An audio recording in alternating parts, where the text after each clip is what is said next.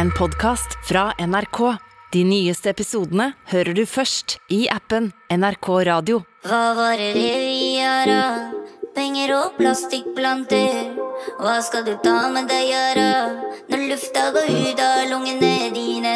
Ja, ja. Ja, I dag har altså Vegg, vegg, vegg premiere. Dokumentaren om Karpes to år lange konsertprosjekt. Er det dette dere dealer med? Alle dere som jobber med oss til vanlig? Nylig kom filmen om Karpe. En rappduo som herjer i spillelistene, og som det har gått sport i å forstå tekstene til. Men ingen ser ut som oss på pengene ennå. Men det var særlig én tolkning som rørte mange, og som tok av. En tolkning som har fått folk til å forstå noe som tusenvis av barn av innvandrere kan kjenne seg igjen i. Dette er en sommerreprise fra mars i år. Hører på Oppdatert. Jeg heter Gry Baby. Hvordan sitter du? Sitter bra. Ja. Veldig bra. ja. Ja, Og kaffen er varm? Kaffen er varm. Det som er igjen. Ja, det har allerede drukket opp så mye. Det går fint. Ok, Johan Shanmugaratnam, hvor var du første gang du hørte på det nye Karpe-albumet? Um, den eneste tida jeg har egentlig liksom tid og ro til å høre på musikk, er på vei til jobb. Uh, så når jeg går til jobb, da, fra Vålerenga i Oslo til Grønland, som også er i øst i Oslo, så pleier jeg å høre på ny musikk, og da hørte jeg på plata til Karpe, Omar Sheriff.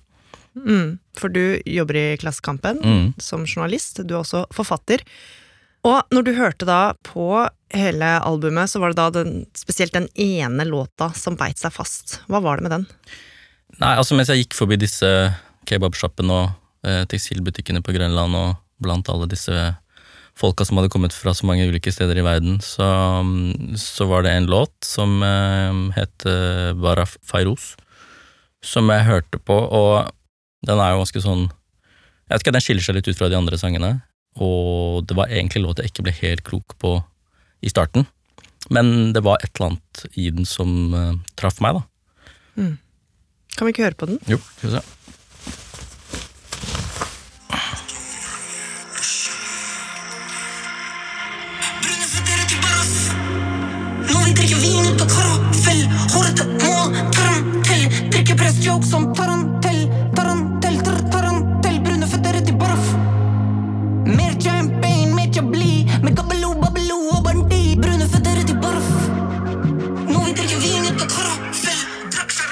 Den er ganske kryptisk.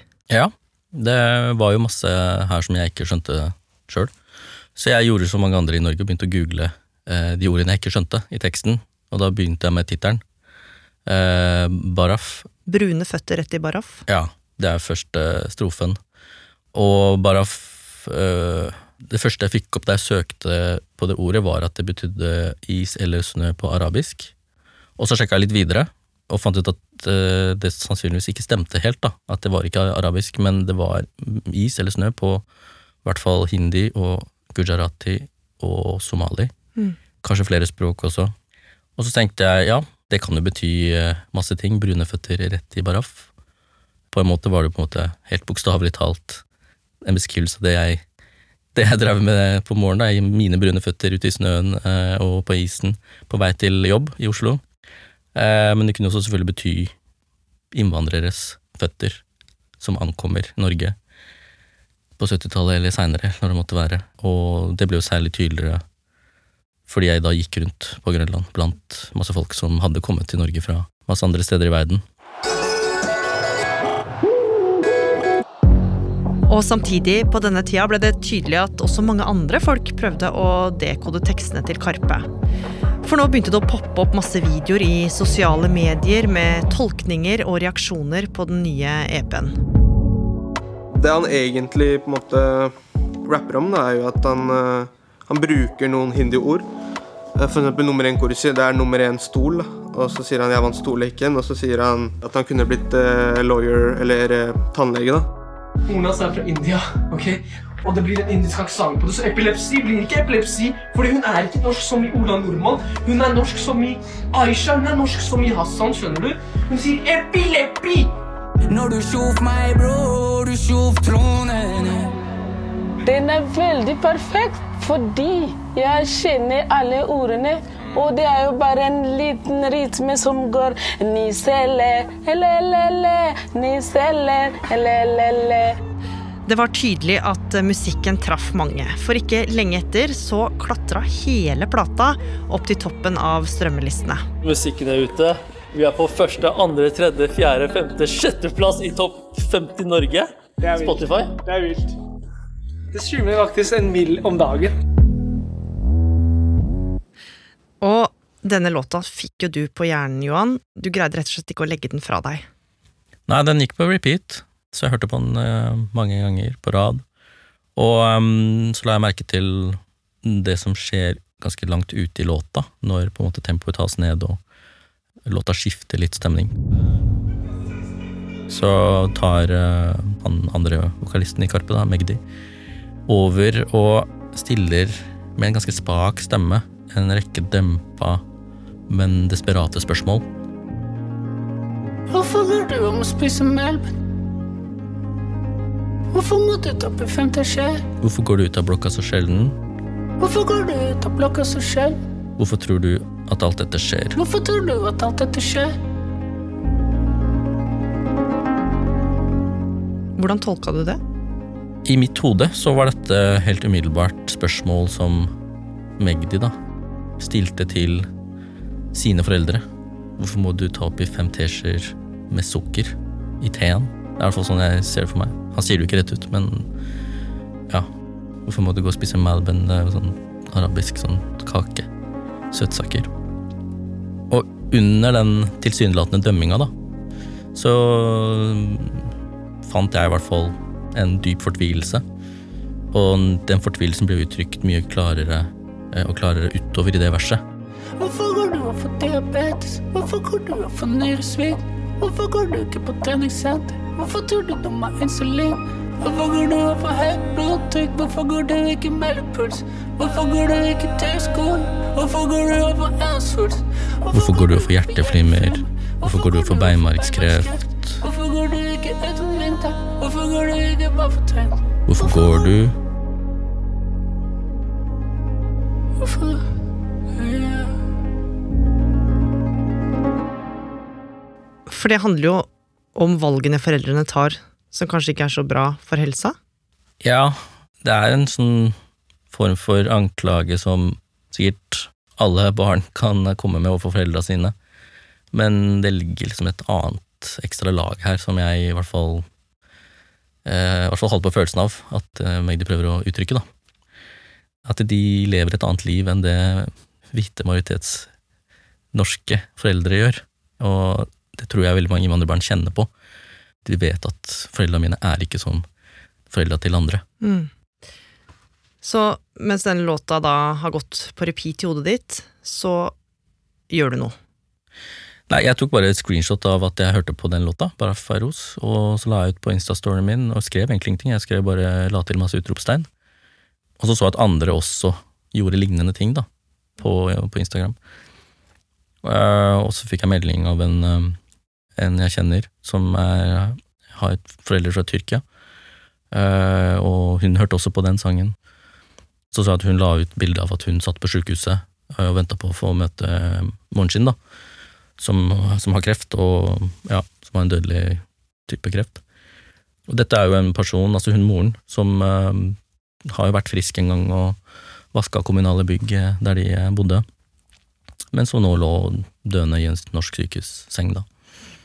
Det handler jo om da sorgen som inntreffer når man holder på å miste foreldra sine. Eh, man skjønner at de skal dø, og eh, ja, kanskje begynner å tenke på hva slags valg de har tatt eh, opp gjennom livet. Og um, ja, det var vel den sangen utløste hos flere enn bare meg, da, skjønte jeg. Mm. Og du kjente litt på det samme selv, eller? Ja, altså Grunnen til at eh, kanskje jeg hang meg opp i den låta, er jo at eh, for eksempel så fylte min far 80 i fjor, og han er jo relativt oppegående og frisk. Men eh, jeg blir jo minnet på at eh, det er grenser for hvor lenge han er det. Eh, han kommer fra Sri Lanka, og moren min kommer fra Japan. Du taper jo ikke bare fysisk og følelsesmessig dine foreldre, men du mister jo også en kobling til den viktigste koblinga til den delen av verden og den delen av historien som du egentlig bærer i deg, da, som barn av innvandrere, men eh, som du egentlig liksom kanskje vet at du ikke helt klarer å holde fast ved. Og når foreldrene går bort, så blir det enda vanskeligere, på en måte. Så de har på en måte vært den eneste garantien for at du har den koblinga. Men med en gang de forsvinner, så mister du på en måte helt Ja, du mister den broen, da. Til den delen av, livet ditt. Mm. Og alle disse tankene om det å være barn av innvandrere, den ville du dele med flere, og du bestemte deg for å skrive en kommentar. Og den første onsdagen i februar så ble den publisert i Klassekampen, altså avisa du jobber i, og i sosiale medier. Kan ikke du lese litt av det du skrev? Jo, det kan jeg godt. Et sted i Karpes forrige utgivelse er det en liten samtale mellom Chirag og faren. Etter å ha mimret litt sier pappaen tiden har gått, da. Kan ikke klage for småting nå. Sånn er de, foreldrene våre, som bare har jobba og holdt kjeft, uten at noen har invitert dem til Dagsnytt 18 for å snakke om ytringsrommet eller noe annet. For dem som prøver å forberede seg på å dø i et fremmed land, har den klissete kaka eller koppen med altfor søt te vært den billigste og raskeste billetten hjem. Og vi, barna deres, er troende og troløse, skamfulle og skamløse, rotfesta og rotløse. Vi var barn da vi fylte ut skjemaer for foreldrene våre, ringte kundeservice på deres vegne og skrev kondolansekort som skulle til deres norske venner. Vi var barn da resten av Norge lo av sketsjer der det eneste poenget var at folk snakket som foreldrene våre gjorde.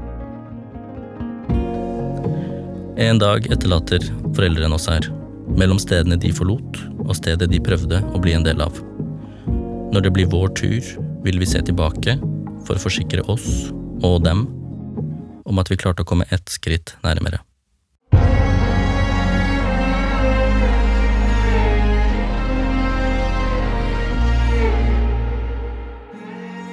الحلم الحلم طائر الشمال det er jo flere lag her, da, fordi det ene er jo hva foreldrene har gjort, og hva slags tanker de hadde da de kom hit, og hva slags valg de tok på vegne av seg selv. Men så er det det andre laget som handler om at veldig mye av de valgene de tok, tok de jo på grunn av oss barna. Det er veldig få av de som tilhører den foreldregenerasjonen, som har fortalt hvordan det var å komme hit og tilbringe de årene her.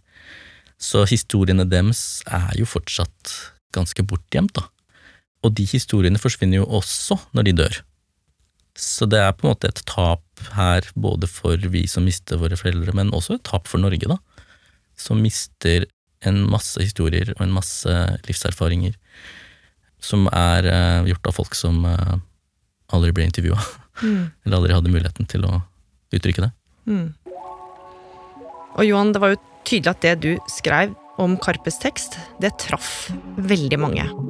For eh, snart så begynte det å strømme inn med kommentarer og hjertesymboler i sosiale medier. En kronikk i Klassekampen har ført til at mange har fått et annet syn på tekstene til rappgruppa Karpe. Og etter å ha hørt på albumet, så skrev forfatter og journalist i Klassekampen Johan Shan Mugaratnam en kommentar, som nå er eh, delt eh, tusenvis av ganger på både Twitter og Facebook, og kommentert både her og der. Tok jo nesten litt av, også flere kjente mennesker reagerte jo på teksten.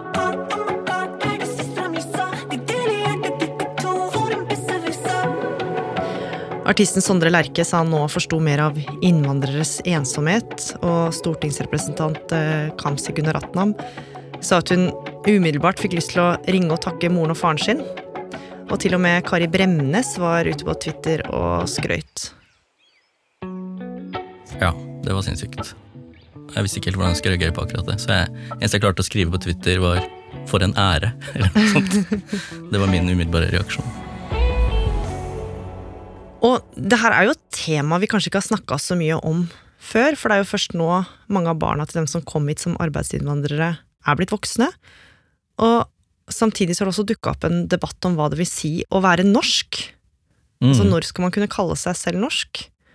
Og hva sier du da, som selv er annen generasjons innvandrer? Altså, jeg var jo seks år da vi kom til Norge. Da flytta vi fra Japan. Eh, vi bodde i en forstad utafor Tokyo og flytta til eh, Ås, som er liten, et lite sted utafor Oslo. Og da husker jeg at eh, liksom godt voksne nordmenn pleide å spørre hvor jeg kom fra, og så forklarte jeg da. Jeg, jeg er født på Sri Lanka, jeg har far fra Sri Lanka. Jeg bodde i Japan, har mor fra Japan, og kom til Norge da jeg var seks år. Og innen jeg har kommet meg gjennom den regla, så hendte det ofte at den voksne personen som spurte meg, sa ja, men øh, du er jo norsk, da. Ja. Du er norsk, liksom. Og den gangen så tenkte jeg bare at det var en hyggelig måte å si velkommen til dette samfunnet på, du er en del av øh, Norge, liksom. Men i ettertid så har jeg også tenkt litt sånn Det lå også en forenkling der, da.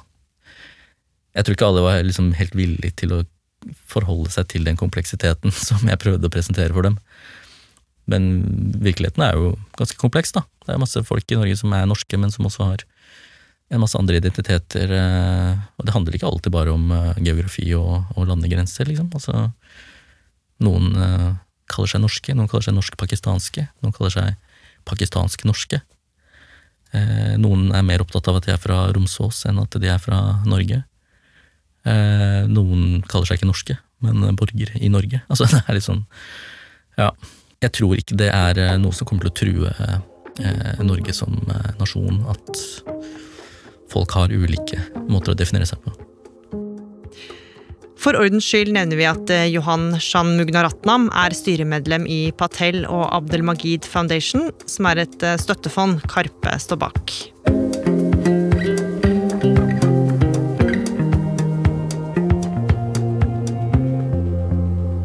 Oppdatert er en podkast fra NRK Nyheter. Og likte du det du hørte, så er det hyggelig om du vil anbefale oss til en venn. Har du innspill, send oss gjerne en mail på oppdatert krøllalfa nrk.no. Denne episoden ble laga av Martin Holvik. Andreas Berge. og meg, Gry Veiby. Programredaktør er Knut Magnus Berge. Klippene du hørte, var fra NRK og sosiale medier-kontoene fra artisten Luke the Geek, Superminoritet, Rasa og Sa, i tillegg til Agri og Mike. En podkast fra NRK. Vi skal jo snakke sommer. Hva er din perfekte feriedag, Johan? Jeg trenger ikke være så veldig mye ute i sola for at det ser ut som jeg har vært ute i sola. Podkasten Feriestemning, hvor to kjendiser deler sine sommerminner. Men nei, hvorfor har jeg aldri sett det brun, da? Og så driver vi og snakker om gamle sommerforelskelser. Where did it come from? Where did it go? Where did it come from? Nye episoder med nye fjes hver dag i hele sommer. Og så må du ha en god sommer, da. Feriestemning hører du nå i appen NRK Radio.